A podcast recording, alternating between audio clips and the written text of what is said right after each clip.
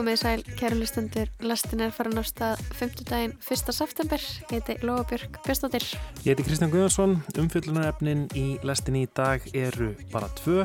Það eru raunvöruleika þættir um, sem að heita Luxus og svo er það markaðsherrferð dölbúin sem tónlist. Já, Salver Gullbrá Þorðarsdóttir horfið á fyrstu þrjá þættina af LXS, eh, nýjum þáttum úr smiðju Ketchup Creative sem eru síndir á stöðu 2 og við ætlum að byrja á pisli frá henni. En í setni hluta þáttarins þá ætlum við að fjalla um markaðsherrferðina í kringum tónlistamann sem að kalla sig Hugo, huldu maður sem að já, reynd hefur verið að búa til mikið spenning um hver er. Eh, ég er ekkit mjög spenntur nákvæmlega hver hann er eh, en eh, við ætlum að fara í saumana á þessu og eftir. En áður en við gerum það, þá er það sjónvarp, Salur Guldbrá, teku við.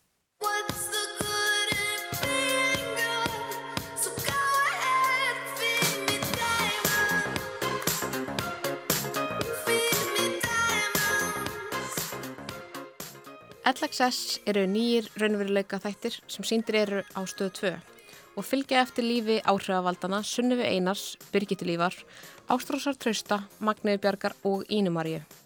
Vinkonuhópurinn er myndaður á þeim forsendum að konurna sem hann skipa eru fallegar og vinstælar á samfélagsmiðlum. Birgitta Líf segir frá því í þáttunum hvernig hún hóaði hópin saman þegar henni bauðist að bjóða nokkrum konum með sér í luxusferð. LXS Luxus og kannski líka XS. Ég var ekki lengt að segja já við því. Bjóð til svona smá lista yfir bara, já, hóp af vinkunum mínum í rauninni allt sem að mér fannst kannski alveg passa saman, einhverju þekktust, einhverju ekki og geti verið skemmtilegur hópur til að fara saman í þetta.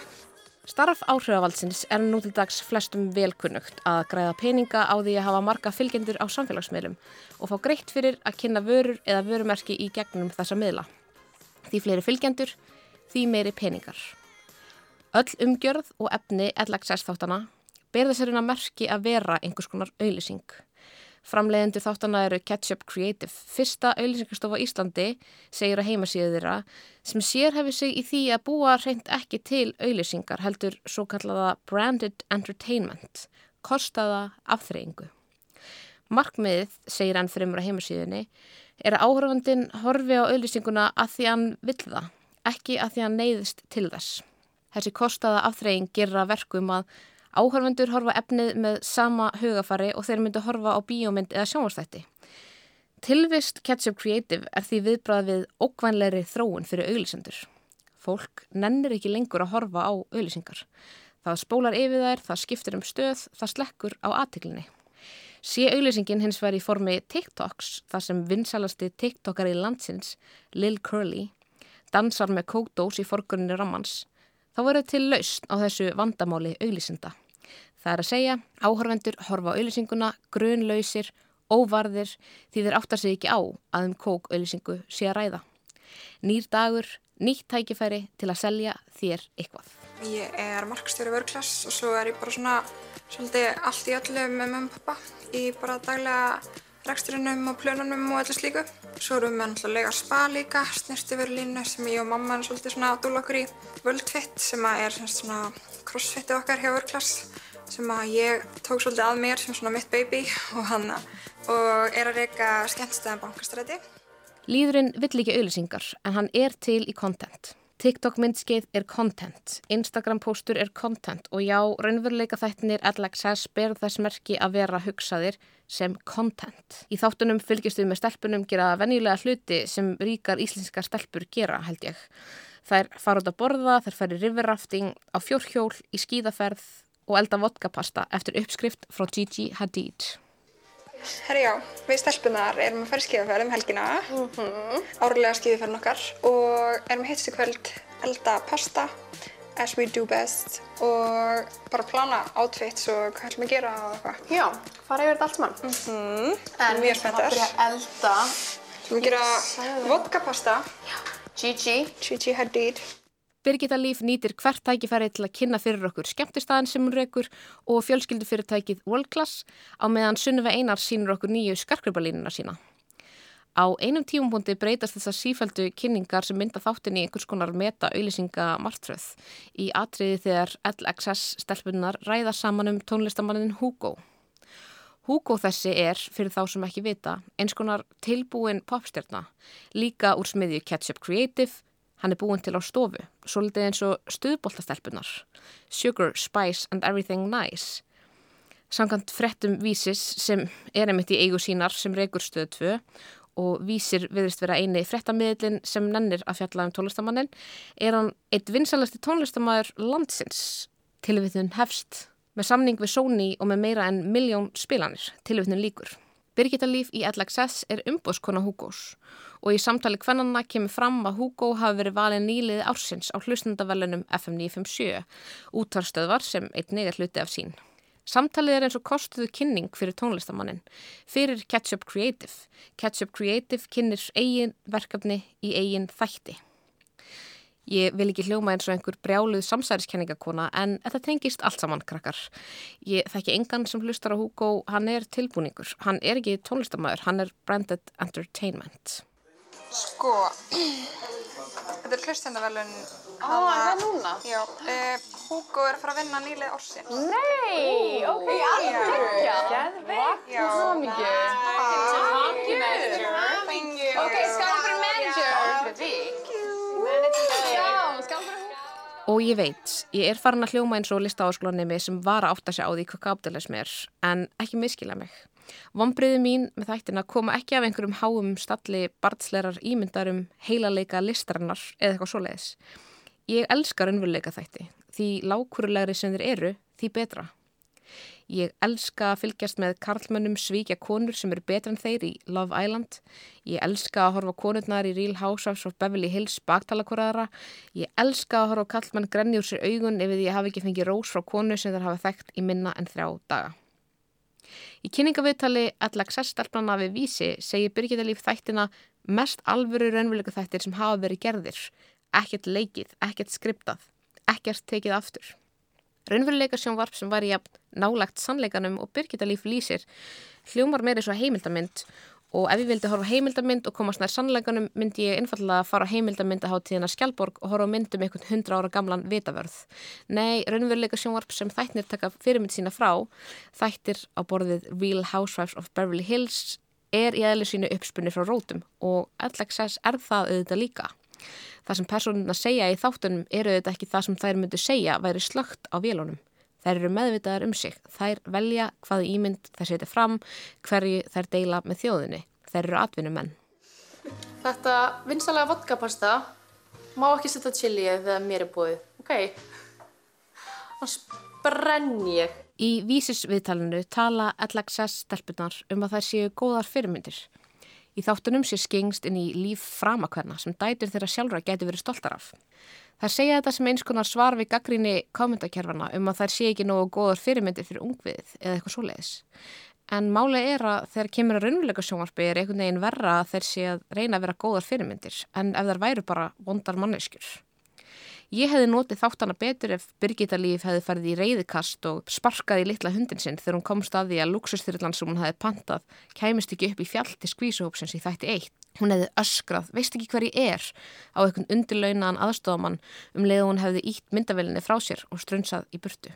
Eða ef Magnea hefði í einstaklingsviðtölunum kallað Ínumaríu heimska mellu fyrir að hafa held áfengum drikk yfir hausin á henni í sundlauginni í þætti tvö. Eða þá ef Sunniva Einars fær í matabóð til tengdaföðu síns, Bjarnar Ben, þar sem kæmi ljósa að B. eldri væri ekki par sáttur við starfsvið tengdadótturinnar. Hann myndi ég að kalla hana druslu eftir einum og mörg hvítvinsklus með humarnum. Benni litli og Sunniva yfirgæfi vesluna með tárin í augunum. Við þurfum ákveða hvernig ætlum til London. Herru, já, þú voru ekki fann að með eitthvað dásninga. Ætlum við ekki að fara komnar- hann í miðan mæ? Það var komna tvær helgar. Var ekki beint þetta prófin hjá Magnu? En kemst þú þá? Þú sagði hérna helgina. Ég mér er alveg sama, ég kemst hvernig sem er sko. En nei, við sjáum aldrei svo frá moment. LXS verður því miður ekki meira en einhvers konar heimildamindum frekar þurran vinahóp sem eru vonbreiði því ég er vissum að það sé skemmtilegra að hanga með öllum þessum konum um leiðuslögtur af myndavélunum. Ég meina, Birgitta líf bókstala á skemmtistað og Ástrós tröst að tala fimm tungumál. En personuna sem þar kjósa sín okkur í þættinum eru álíka þurrar og samræðirnar í babysjári hjá grunnskóla vinkonum hans sem á frekar stífar vinkonur eða kurtessi spjall millir samstarfsfélaga í 9.20 pásunni á mánudegi á einhverjum ríkisreknum vinnustaf. Frásagnamáttinn þegar það segja okkur frá skíðaferð á söðakróki minnir á dagbókafærslu tíu ára gamalla stúlku. Kæra dagbók, í dag fór ég í bíó með sunnefu, það var svaka gaman, svo kom Ástrús að hitta okkur, svo fór ég heim, svo borðaði ég kvöldmatt, svo lærði ég heima, svo fór ég að sofa. Góðu dagur. Ímynd þeirra er svo vel undir stjórn og sá hluti lífs þeirra sem þær velja að sína svo lítill að áhörvendur ná ekki að tengjast þeim. Raunveruleikin, lífið með stóru elli, er fullt af óvendum atbyrðum, tilfinningum, messi og ruggli, en ekki LXS. Þar sjáum við bara vel efnaðar og fallega stelpur sem missa aldrei stjórn á sér og eru alltaf meðvitaðar um ímyndana. Þær eru einfallega aðeins og búnar með master í alþjóðaviðskiptum til að fara að skandalisera í sjónvörpum landsmanna. Too many bottles of this wine we can't pronounce. Too many bowls of that green, no lucky charms. The maids come around too much. Parents ain't around enough. Too many joy rides in daddy's Jaguar. Too many white lies and white lines. Super rich kids with nothing but loose ends. Super rich kids with nothing but fake friends. Start my day up on the roof. There's nothing like this type of view. Point the clicker at the tube. I prefer expensive news. New car, new girl, new ice, new glass, new watch, good times, babe. It's good times, yeah. She wash my back three times a day. This shower head feels so amazing. We'll both be high. The help don't stare. They just walk by. They must don't care. A million one, a million two. A hundred more will never do. Þetta er Frank Ocean og lagið Super Rich Kids, ofurríkir krakkar af Channel Orange.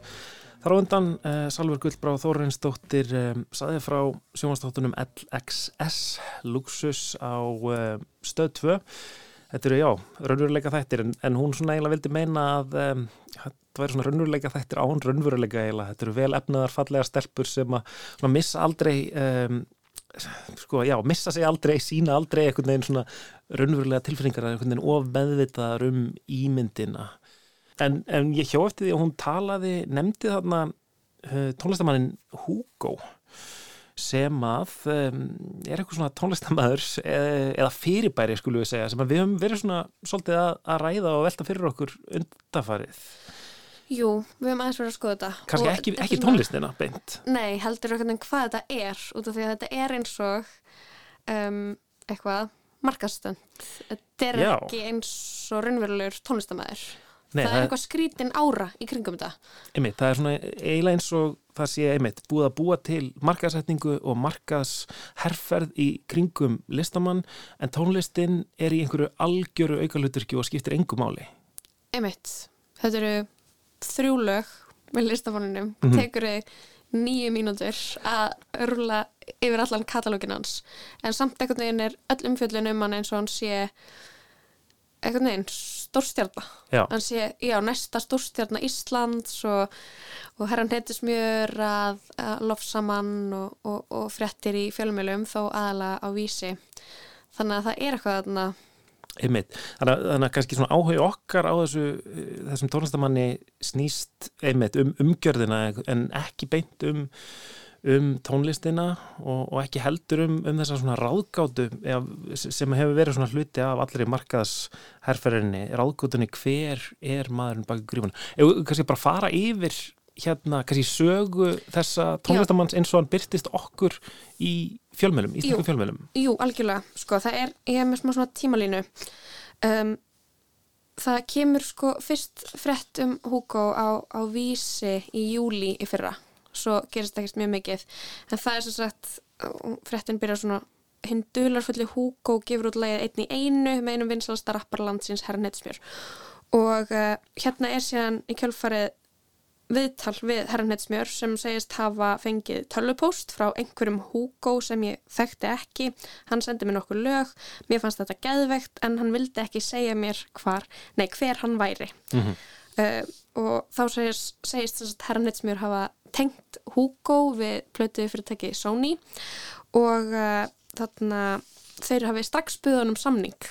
Bara hugsa sér, eitt lag og það var svo frábært að, að Sony villan skrifi undir þessi huldumadur Já, um, og, svo, og þetta lag er og svo er aðeins líst þessu fyrsta lagi sem er uh, já, það er lagi Kvíli friði og, uh, og Átni Páll herra Neidsmjör er eitthvað segist ekki tengja neitt við hann texta en talar um þetta eitra ástarsamband og stelpanar að halda fram svona, og, og svo segir hann þetta er að mínum að þið besti nýji artistin engin vafa á því. Mjög þróað sound og mjög góð textasmíð. En áður en hann gerði þetta lag með herra Neidsmjör þá var hann búin að gefa þetta eitthvað á Spotify sem var lagið Kvíli friði. Ég finn þig en þá er mikið á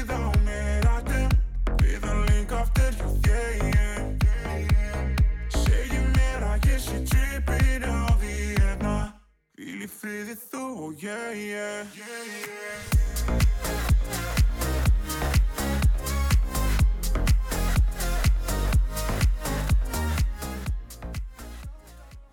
Já, þarna heyrðum við brotur kvílífriði með uh, huldumannum Hugo, þetta var fyrsta lagið sem kom frá honum og þótti svona alveg ofbáslega frábært að, að mati herra Nittismjörs. Ég veit ekki, mér finnst þetta svona mjög svona um, bara svona venjuleg einhvern veginn pop tónlist. venjuleg íslensk Já. poptónlist, já svona, já, svolítið svona hérna EDM, svona, svona dans, um, svona klúpa, klúpastemning sko, en, en samt svona mikið, mikið pop og hún er ótrúlega almenn einhvern veginn, það getur einhvern veginn hver sem er Já, þetta svona minni mig á kannski það var svona, það poppaðast að með einhverjum eins og sko Avicii eða David Guetta sem eru svona, svona risa svona hérna DJ stjörnur sko. Já, sko, núna af því að það eru tvö lög í viðbót komin út með Hugo, sko, þú ferð á Spotify þá er hérna svo eini sem er skrifaður fyrir þessi lægi er Hugo. En í hinum lögunum þá er Þormóður Eiríksson með honum. Og Þor, þetta er svona Þormóðurs hljóðið. Það er þessi, það, það er producent uh, hérna, Já, við unni gerði hérna, að miklu leiti til nýju Aron Kahn plötuna sem var svona hans hressasta einhvern veginn alveg svolítið svona farin frá R&B hljóðinu. Um, hugin, klakar hann að hetin þessi eini strákur uh, rosalega mikið með herrnitsmjör um, og MC Gauta. Mm sló reynda fyrst í gegn með hérna B.O.B.A. með. Jópi og Króla Akkurat, og þannig að hann er bara þetta er sko þessi svona íslenska poptónlista maskina, sko einhvern veginn á heima svolítið í saman flokki og Stop It Go og, og Ratio og svona þessar típur. En alveg bara svona um, já, al, mér finnst það alveg svona það er ákveðið þormóður hljóð já, en en sko, mér langaði líka bara að segja að, að, að það sem ég tók ekki fram á hann þegar ég var að fara- yfir þessar frétt um Hugo að sko þarna í júli í fyrra þegar held ég fyrsta fréttin um bestist þá um, er Birgitta Líf orðin umbósmaðurinn hans Birgitta Líf sem sagt úr LXS Já. hópnum áhrifavaldur og eiga, eigandi bankastræti já. hérna, skemmti, skemmtistæðarins já, vinnur í markasmálum fyrir World Class og er World, Cla World Class erfingin um, já, þannig að hann er einhvern veginn komið strax með svona frekar uh, hvað er íslenska orðið fyrir high profile? Mhm, svona, bara þekkt frek- fólk í kringum sig. Já, frekar, frekar þekktan umbósmann þannig að hann er einhvern veginn mjög vel tengdur sko, með við bara einhvern veginn eitt lag og já, Ég búin að vera farin síðan þú fórst. Ég fyll og tæmi glasið í nótt. Ég set þetta á og stilli há Ef einhver á það skilið að gleyma þér í smá Smá stund, fokka, set þér að yða upp, upp, upp, upp. Nærð ekki á mig því að. Ég búin að vera farin síðan þú fórst Ég fyll á tæmi glasið í nótt Ég fyll á tæmi glasið í nótt Já, og það sem einhvern veginn gerist næst í, í lífi Hugo er uh, hann er tilnæmdur og, og vinnur síðan nýliði ársins á hlustendaverlunum FM 957 og það er búin að gerist núna í gefa, vor. Já, búin, að, að gefa út þá bara eitt eða tvö lög eða eitthvað svoleiðis. Já. um, og kemur fram á, á hérna, aðumni spilar, spilar þetta lag sem við heyrum með undir sem heitir Farin. Um, þarna með hóp dansara með sér en eða semst einhver kemur fram þarna og, og segist vera Hugo. Er, er sem sagt með grímu, við erum ekki búin að nefna það. Það er uh, alltaf þegar tónlistamæður kemur fram þá er hann með enginandi uh, grímu til þess að fela enginni sitt. Hva, hvað er þetta? Hugo, er hann einhvers konar bánsi? Er, er gríman hans eitthvað svona eitthvað bleiku bánsi? Jú, Ég er ekki alveg búin að fatta eitthvað svona kattardýr, Já, kannski köttur, klói kókomjólk hugsa maður, já, En- skoðadýrið Hugo kannski? Já, en sko fyrsta þarna, já, fyrst við erum að tala um hlustendaverlunin þá hérna kemur það allt fyrir, það tekið svolítið vel fyrir í þessum, þessum nýju þáttum frá Ketchup Creative, Luxus sem að Salka fjallaði minna aðan það er atriði í öðrum þætti af Alexas, þar sem að Birgitta Líf, umbásmaðurinn hans Hugo, eh, er að lýsa því að eitthvað neginn og það, það gerist að hún, eh, hún veit að hann er að fara að vinna nýlega ásins og uh, er búin að panta þyrlu til þess að fljúa með sig úr, úr skíðaferðinni Vá. úr skíðaferðinni til Reykjavíkur til þess að vera viðstödd þessa verðlunaafendingu hún er svo óbáslega stolt af uh, Hugo og uh, þyrlan afbókast út af því að það er svo vant viður og hún er í hálgerðum mólum þarna í skíðaferðinni og það er hérna Já, og hvernig setni hlutin af, af öðrum þætti þess að séru fjalla svolítið um það að Hugo hafi verið að vinna og þær eru að fagna henni til hamingju,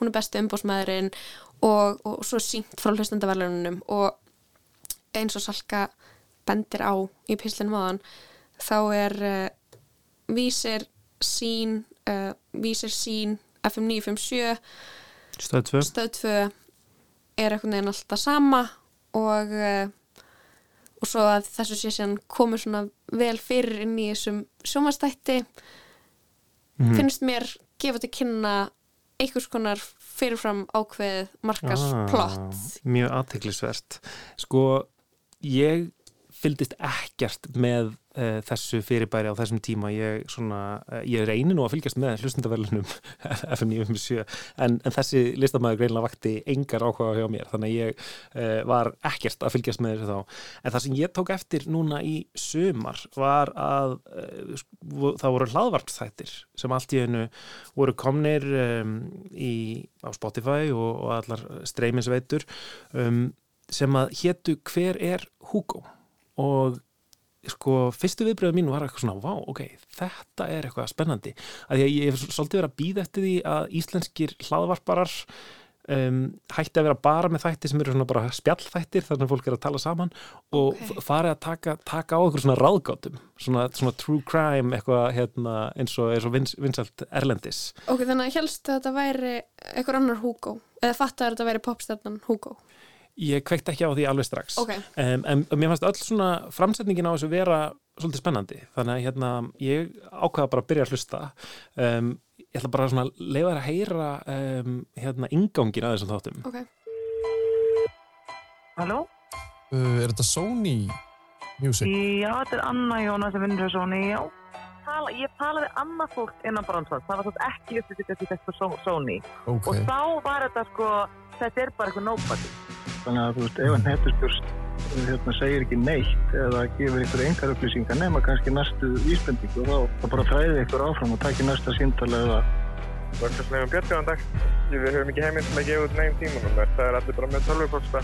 Ég hef séðan uh, spila live og út frá því þá myndi ég segja að það væri ekki pappi minn. og þetta er eitthvað kunnulegur ingangur að hlaðvarpi mér finnst það hljómaði svo eitthvað annað þekkt hlaðvarp Ok, ok Ertu kannski að tala um uh, serial? Já. Þekktustu hlaðvarpstætti allar tíma Já. hérna, já, þegar þú segir það þá, hérna, þá er þetta mjög svipað hérna, býtu, ég ætla að aðtöfa hvort við getum ekki fundið ingangin að, að serial þáttunum This is a Global Tel-Link prepaid call from Adnan Sayed. An inmate at a Maryland Correctional Facility. From This American Life and WBEZ Chicago, it's Serial. One story. Já, þetta er nákvæmlega eins Mér finnst eiginlega samt eitthvað alveg bara mjög fyndi við það. Sko, þessir hlaðvarstættir fjalla um hver popstjarnan Hugo hana, sem lí- lítur út þess að kókomjölkur klói og er með þrjú lög á Spotify sér rammað inn á, á sama hátt og uh, mál Adnan, Adnan Said sem var sannilega ránglega dæmdur fyrir morð á kærustunni sinni á tíunda ártöknum það er einhvern veginn svona Mhm. mm, Einmitt, en hérna ok, uh, en, en ég allavega var svolítið spenntu fyrir þessum þátt byrjuðu. ok, þú helst áfram að hlusta Ég held áfram að hlusta. Eh, Þetta er sem sagt hérna tveir uh, gaurar, Ingólfur Gretarsson og Eithor Atli Finnsson. það er gói sportrönd allavega?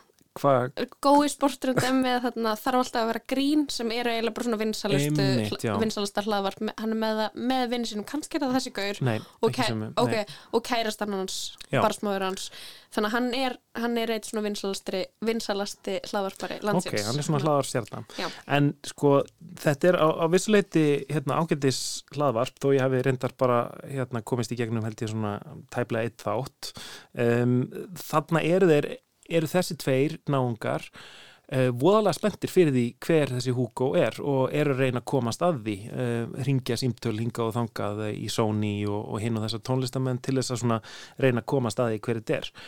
Og um, öll öll öll markaðsetningin sem að ég hef síðan síðan einhvern veginn síðan gengur út á þetta einhvern veginn að skapa spennu fyrir því hver þessi tónlistamæður er. Og hérna, kannski vandamáli þegar ég byrjaði að hlusta á þetta að hérna, jú, jú, þetta er uh, mystería, þetta er ráðgáta en ég hafði aldrei hlustað á tónlistina og mér var alveg sama hver maðurinn var af því að mér fannst tónlistin ekki skemmtileg Það, þannig að það var svona fjallum, fjallum sjálft sig. Og þess vegna nefndi ég ekki að hlusta. Mm. um, og hvað, þetta eru þetta eru sex þættir. Þetta eru sex þættir uh, og þetta eru, ég held að fyrsti þátturinn sé svona einn og hálfu tími og svo eru þeir svona mislangir. Síðasti þátturinn er þrýr tímar. Já. þannig að þetta er mikið af efni. Það er rosalega löng lengt á, á þætti. Einmitt. en ég, ég var náttúrulega líka aðeins búin að skoða þetta og mér finnst eiginlega geggjaðast í hérna lýsinguna á þáttunum. Mhm. Það sem stendur að þessi þættir sé bóði Chicago Town Pizza og Coke. Já, og ég var svona já um, ég var svona já þetta er bara einhver auðlýsing Já, og, og eh, kannski eins og í mörgum hlaðvörpum þá, þá svona koma þér þessari auglýsingu mjög uh, skýrt einhvern veginn inn í samtölinn sín í þættinum. Hérna, sko, já, við, við erum búin að hérna, liggja yfir þessu máli núna í, í allt, allt of langan tíma og hérna Hvað er þetta konið, tveir mánuðir? Já, þessi seri átti alveg að vera löngubúin, sko og hérna, en ég er bara samt eitthvað svo þakkláttu fyrir ferlið og sérstaklega með kók við vinstri hönd, af því að í hægri hönd Yes sir Hvað er þar? Hvað er þar? Hvað er ég með hægri hönd, segð mér það Núna? Segð mér það núna, hvað er ég með hægri hönd núna Deep dish Chicago Town Pizza. Yes sir. Let's go. Einu slæsi. Yes. Með ekstra mikið pepperoni sko. Wow. Gauðs Akkur er þetta svona góð bara eðlilegt samtal millir vina um, um drikki og mat. Drikk og mat sem þeir neyta meðan þeir uh, rannsaka hver Hugo er. Einmitt. En, en þessi þættir þeir, þeir komið þarna í sumar uh, eins og ég segi þá komst ég í gegnum eitt þátt og, en, en endi ekki að hlusta rest. En, en þetta fór alveg á toppin held ég bara á, á vinsaldalistanum sérstaklega á Spotify yfir Íslands hlaðvörp um, á, á einu ögnabliki um, og svo kláruðist, kláruðist þeir hann einhvern veginn í held ég bara byrjun ágúst held ég bara þegar það steytist í þjóðatíð sko. Já, og uh, Hugo kemur auðvitað fram á þjóðtíð eigum alveg tónlist sem er einhvern veginn samin fyrir þann viðbjörð Algjörlega. Algjör svona lag í dalinn. Þjóðatíðar slagari svona smá Sprite Zero Clan, Ingi Bauer Það er svona svolítið svona leikvanga tekno sko. Já, Uh, já. þannig að hann einhvern veginn, já, hann spilar og, og hann er með bleiku grímuna sína og svo er skrifið fréttum það á vísi út af því að auðvitað hérna, er hann í stutturmaból sem stendur á dagsetning og stöð 2 og þá er hann að kynna að hann verði með nýja þætti á stöð 2 í haust og, og þeir heita eitthvað svona hver er Hugo og Mhm. eru framleitir af Ketchup Creative Nýlið ásins er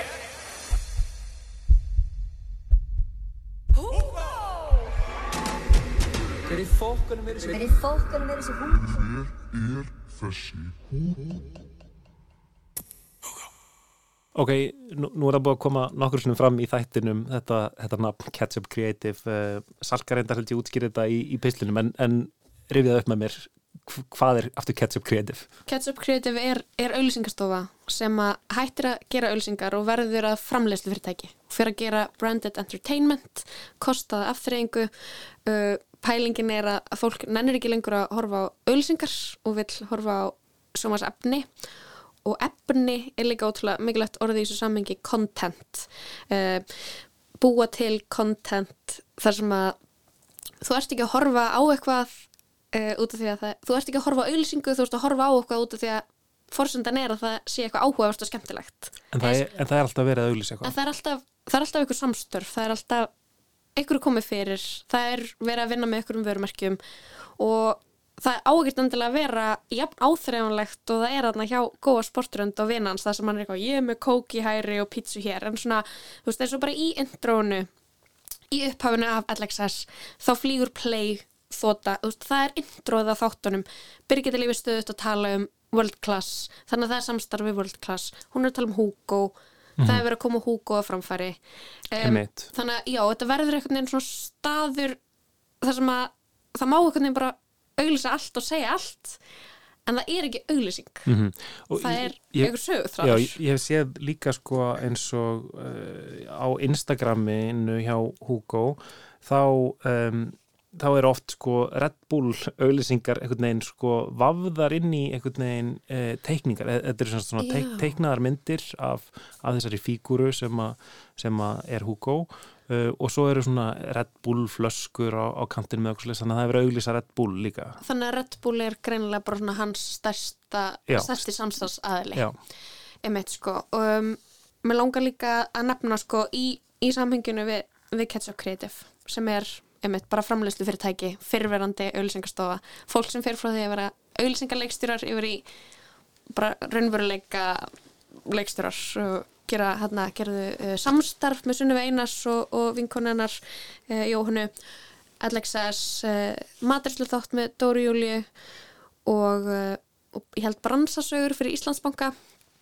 Út af því að þú veist að tala um teikningarnar inn á Instagram síðan hans Hugo. Það, það er náttúrulega ekki hægt að taka mynda á hann út hann er huldumæður. Það er alltaf einhvern veginn verið að teikna hann og það er eitthvað grafík um, ég svo fór aðeins að skoða hver uh, vinnur þessa grafík með honum er hann takkaður og allt og það er etna, listamæður sem heit Addi Nablakusk og hann teiknar ógislega mikið fyrir Ketchup Creative og búin að gera plaggut með þeim og er greinilega annarkvæmst að vinna þar eða verktaki hjá þeim og, og, og gerir mikið af plaggutum og, og grafík.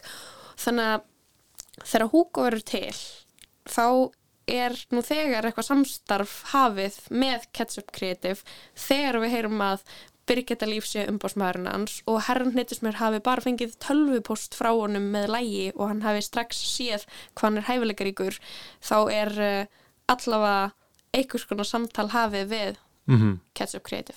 Sko, ok, mér finnst hérna uh, vera að- teiknast upp hérna svona smá um, net af, um, af aðilum sem að virkar eins og séu að, að drífa áfram þetta hæp um, sko, Ketchup Creative þetta framleyslu fyrirtæki er augljóslega í, í nánu samstarfi við Hugo og, og gæti að öllum líkindum verið bara Höfund, höfundur af þessu. höfundur markas herrferðarinnar einhvern veginn. Um, Ketchup Creative hefur greinlega verið í nánu samstarfi við stöð 2 og sýnir, mun sína þættina um Hugo á stöð 2 stöð 2 um, er uh, hluti af fyrirtækjasamstöpu með vísi og og FM 957 og F957 uh, það virðast vera eiginlega eins og hver einasta frétt sem hefur verið skrifað, skrifið um Hugo hefur byrst á vísi. Já, á engum eiginlega engum öðrum fjölmjölum er að finna neina umfjöllun MBL, fréttablaðið, RÚF það verðist enginn hafa sérstakann áhuga á þessu. Það er bara vísir. En einmitt svo eru allar umfjöllunar inn á vísi þá er svona verið að lýsa þessu eins og þetta sé brjálæðislega mikið hæp og allir séu rosalega spenntir fyrir þessu. Það eru eiginlega bara þau. Já. Uh, og svo eru þarna uh, Birgitta Líf uh, sem eru þetta í þessum þáttum sem Ketchup Creative bý- býr til. Með bankastrætti klöpp og World Class. -hmm. Herra Hnetur Smjör gerði þætti sem voru framleitir af Ketchup Creative Kling Kling þeir held ég. Einmitt. voru síndir á sjónvarpið Símans.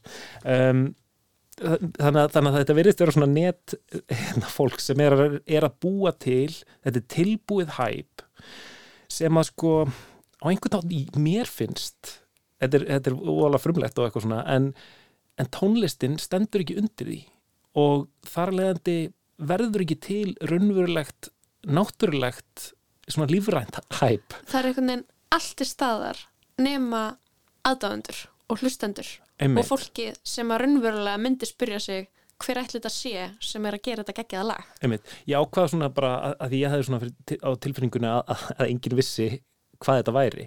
Þannig ég ákvað bara svona að, fara hérna uh, rölda um rúf og hérna og spurja, spurja fólk. Ég byrjaði þetta á rás eitt sem kannski, ég veit ekki hvort það sé endilega fólki sem vinnur þar sé markkópurinn en þe- þetta er samt fólk sem að fylgist vel með því sem er að gerast í fjölmiðlum og tónlist og ég byrjaði að banka upp á hjá Guðuna Tómasinni og Höllu Átni Magnúsdóttur sem að eru að undirbúa klassíkina okkar. Hæ, hvað segir þið? Fínt. Má ég hérna spyrja ykkur bæði einna spurningar um, uh, um íslenska, íslenska poptónlist? Hallátni, hefur þú heyrt um íslenskan poptónlistamann sem heitir Hugo? Nei.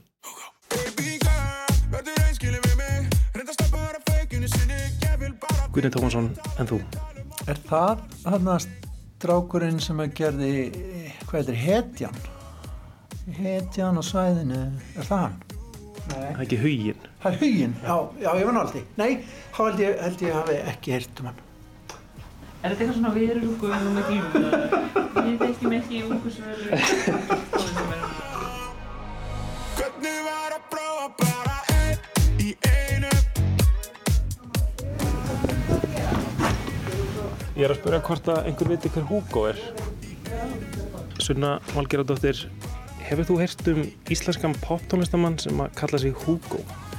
Nei, en ég veit að það er hlaðvarp sem heitir Hvar er Hugo?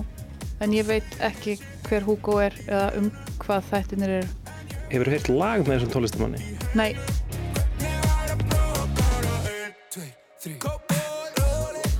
Gumi, hefur þú heyrt um tónlistamannin Hugo? Ég, ég hef heyrt þetta nefnt, já. Að, að það sé til tónlistamæður sem kalla sig Hugo. En þú getur ekki sagt mér hvernig tónlista er eða eitthvað þannig? Nei, ekki hugmynd, sko. Lítja Gretarsdóttir, hefur þú heyrt um íslenskan poptónlistamann sem kalla sig Hugo?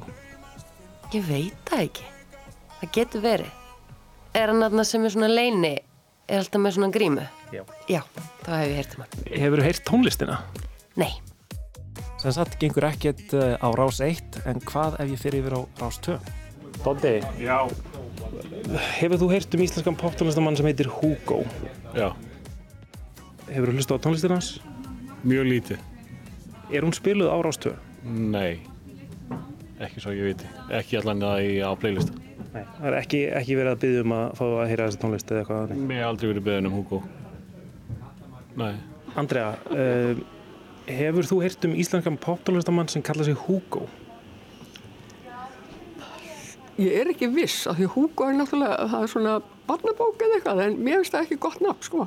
Nei. Nei, kann- ekki slæmt vatn, menn bara að maður rugg, maður, mér þetta fyrst yfir barnabók. Já. Bara, sorry. Matti, hvað með þig? Já, já, ég hef heyrt í Hugo og, og, og þekki þetta aðeins. Er hann spilaður á 2? Eitthvað aðeins, sko. Já, já, hann hefur heyrst. Hefur heyrst.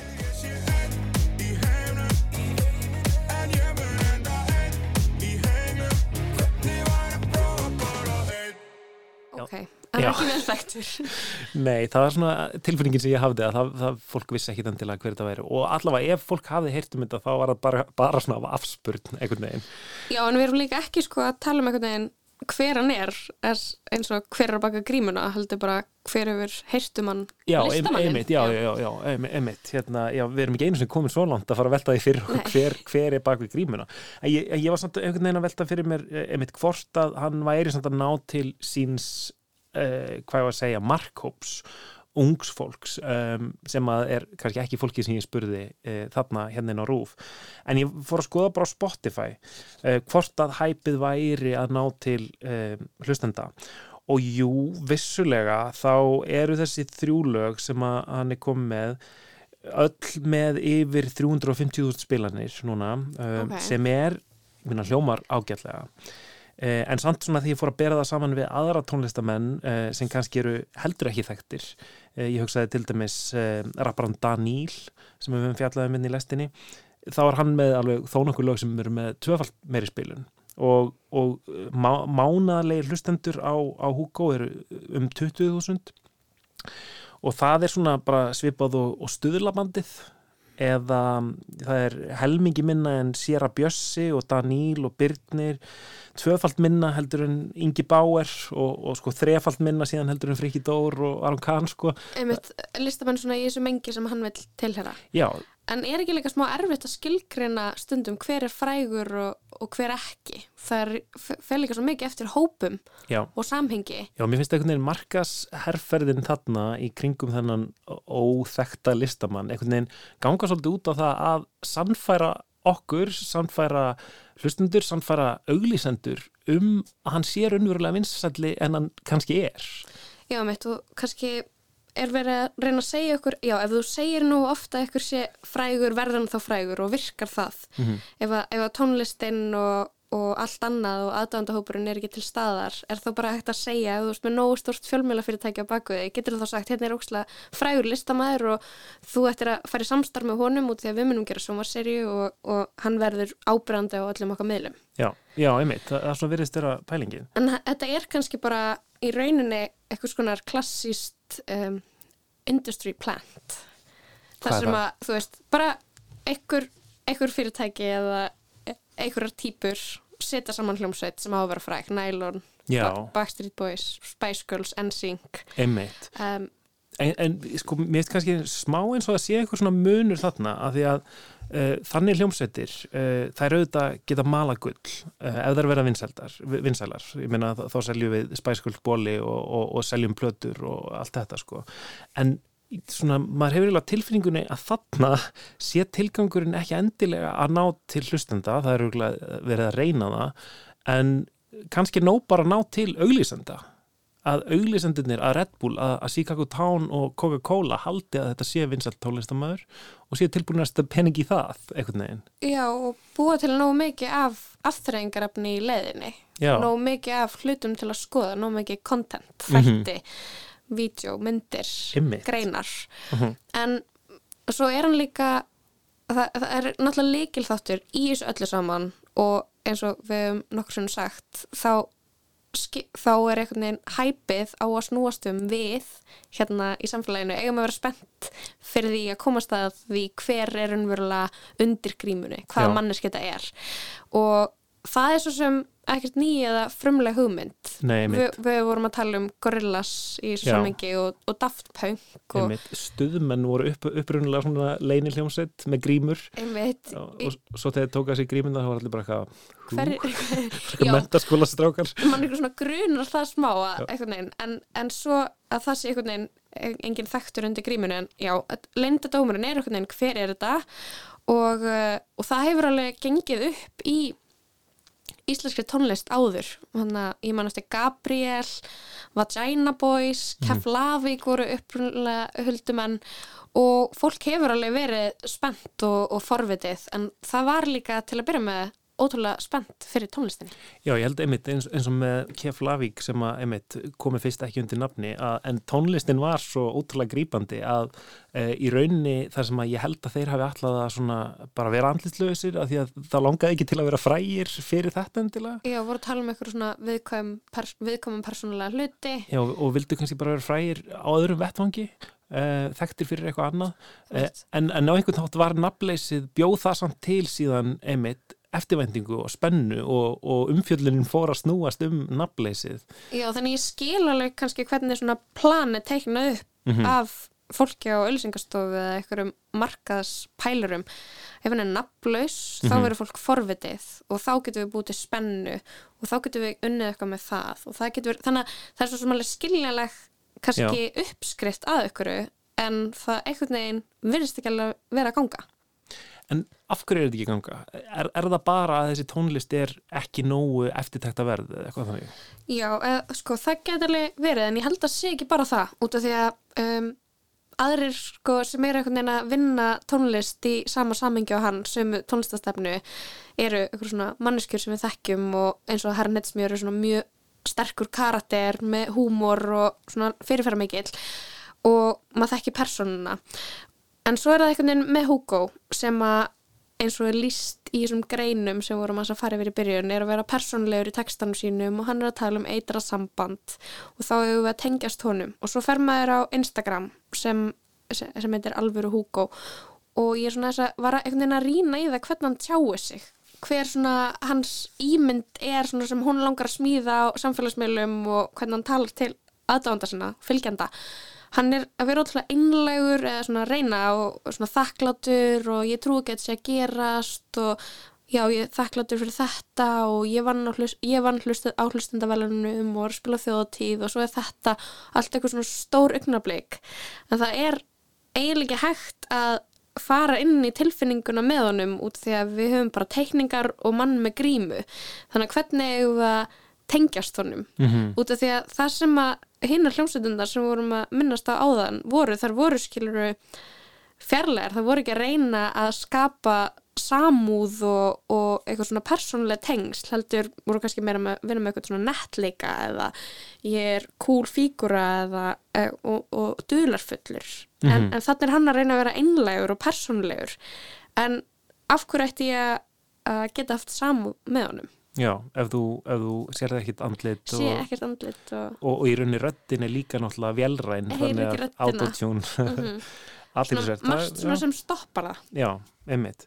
Þetta er mjög aðtilsvært en, en sko, ég veldi fyrir mér um, sko með mér finnst þetta að vera orðin einhver svona hápunktur einhver svona markasvætrar tónlistar, listar eh, þar sem að listin skiptir ekki meginmáli heldur er það markaðs aspektið, markaðs hliðin á þessu öllu, markaðs herrferðin sem er í rauninni það sem skiptir máli. Um, og mér finnst við alveg að hafa séð þessa þróun á Íslandi undafarið um, listamenn eru mjög óhrættir við bara að, að, að fara í samstarf. Já. og þá kannski að það er þetta nefna í þessu samhengi náttúrulega manneskjuna sem eiginlega augljóslega einhvern veginn stendur á bakvið þetta leitla verkefni, Hugo er herran Hitsmjör og hann, hann er í fyrstu fréttinu um hann, hann hefur fengið tölvupost frá honum um, og hann syngur með honum í, syng, í, já, í lögum. já, syngur með honum og kemur fram með honum á tónleikum.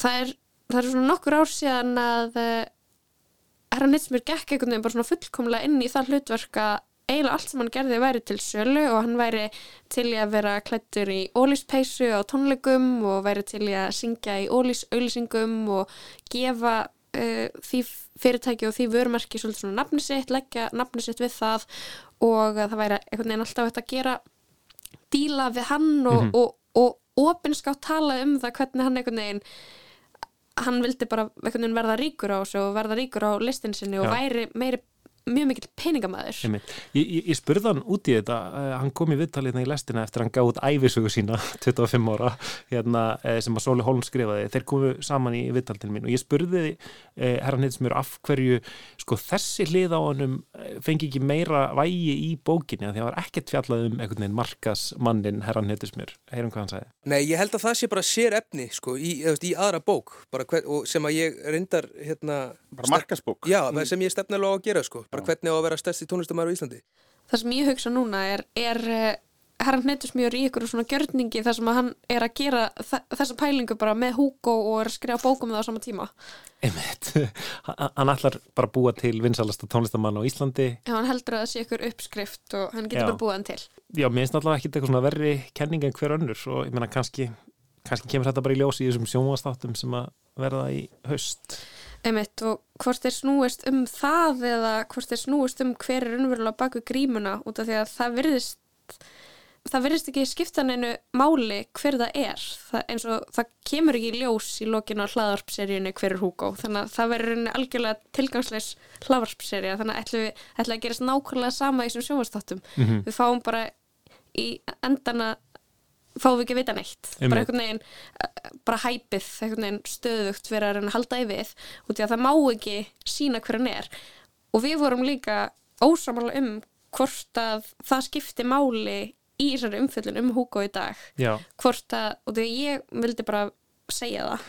Hver hann væri. Já, komast einhvern veginn að því, fara ykkur á krókaleðir þvinga það upp úr ykkurum og segja bara í útvarpinu, Hugo er þessi mannska en þú varst ósamlega Já, sko, hérna, ég meina öll þessi tilraun til þess að búa til hæp eh, snýst um það að draga okkur inn í þessa ráðgátu, einhvern veginn að við verðum spennt að vita hver þetta er.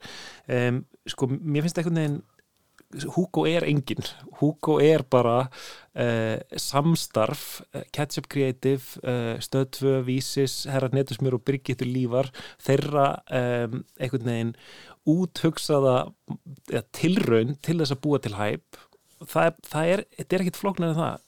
Hver eh, kemur fra- fram á sviðinu það skiptir engum máli, hver syngur lögin skiptir engum máli. Það getur þannig að vera mismunandi mannskja í hvers skipti. Já, eh, sko- Hugo er ekki til, hann Nei. er tálsýn. Já, það er, það er niðurstaðan held ég í þessum þætti. Já, hver ert elsku Hugo? Viður kenni ég er Abbo. Ertu Eithor eða Ingo? Ertu tveir eða Solo? Já, já. Segðu mig bara hver þú ert Ekki vera feimin. Veit að þú þekki mig ekki Ég mun gefa þér allan heiminn. Leiki kötturinn á Við endum lestina í dag á lægi sem heitir Hver er Hugo og er með Aroni Sigþórs. Lag sem fjallar um tónlistamannin Hugo. Ég veit ekki hvort þetta sé hluti af markaðsherferðinni. Ég rakst á þetta á Spotify í dag maður er eins og eitthvað svona samsæriskenningamæður og heldur að allt sé hluta eitthvað miklu starra samhengi. En lestin fer í frí á morgun og við verum hérna aftur á mánudag á sama tíma. Já, við Kristján og Lóa þökkum fyrir okkur í dag og Lítiða Gretarsdóttir var tæknumæður eins og svo oft áður. Verið sæl. Sóni ert að taka áhættu á klói köttur ofbrand Því sænaðu mig í staðinn og geði mig tvö grand. Að þið fyrir í feluleik og nær í grímuna. Ringi í doktor Viktor fer beint í DNA Þór móður er móður á að haldi sér leyndu og kolbeinn farið aftur og reyndu. Þú ert ekki að plata neitt og set Já, hver ert elsku Hugo? Viður kenni ég er Abbo Ertu Eithor eða Ingo? Ertu tveir eða Solo? Segðu mig bara hver þú ert Ekki vera feimin Veit að þú þekki mig ekki Ég mun gefa þér allan heiminn. Já, hver ert elsku Hugo?